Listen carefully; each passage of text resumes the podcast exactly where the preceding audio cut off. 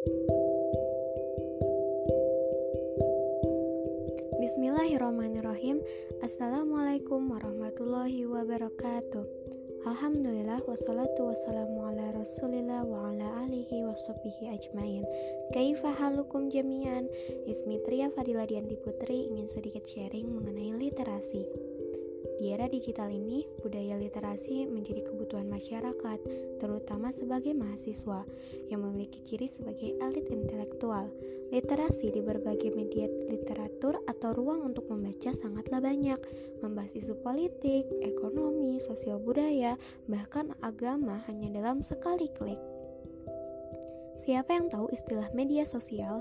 Media sosial juga bertransformasi, tidak hanya untuk mengirim foto atau video, namun memberikan ruang yang bebas untuk membudayakan literasi internasional kita dapat menyampaikan gagasan, pengetahuan, menumbuhkan sikap kritis tanpa harus berbuat anarkis. Di dalam ruang lingkup kemahasiswaan dibutuhkan komunikasi yang baik dalam berinteraksi, apalagi setiap mahasiswa berasal dari suku, adat, dan daerah yang berbeda. Maka dari itu, kita perlu mengenal literasi. Hazana dalam pendidikan ialah literasi. Literasi merupakan kemampuan membaca dan menulis ataupun melek aksara. Kalian tahu, 8 September sebagai International Literacy Day atau Hari Literasi Internasional menunjukkan literasi mempunyai peran yang penting untuk mewujudkan masyarakat berwawasan dan terampil yang perlu dilatih sejak dini. Di era persaingan digital pun, kebutuhan literasi menjadi sangat kompetitif. Dalam menyukseskan hal tersebut tidaklah instan, perlu konsistensi dan pembiasaan terus-menerus. Menciptakan generasi literat membutuhkan proses panjang dan sarana yang kondusif. Proses ini dimulai dari kecil dan dari lingkungan keluarga, lalu didukung atau dikembangkan di lingkungan luar.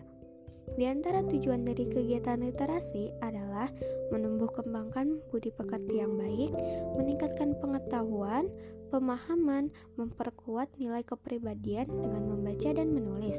Literasi juga mempunyai berbagai macam manfaat, di antaranya yaitu dapat menambah kosakata, dapat mengoptimalkan kerja otak, menambah wawasan dan informasi baru, meningkatkan kemampuan interpersonal, mempertajam diri dalam menangkap makna dari suatu informasi yang sedang dibaca, dan sungguh banyak manfaat yang akan didapatkan.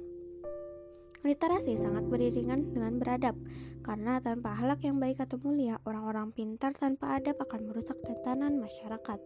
Benar kata sederhana dari Umar bin Khattab, beradablah kamu, berilmulah kamu. Kita membiasakan haus akan membaca dan menulis mulailah dari sekarang dengan etika yang baik. Demikian podcast kali ini, sampai bertemu pada podcast selanjutnya. Syukran kathiran, ilaliko, wassalamualaikum warahmatullahi wabarakatuh.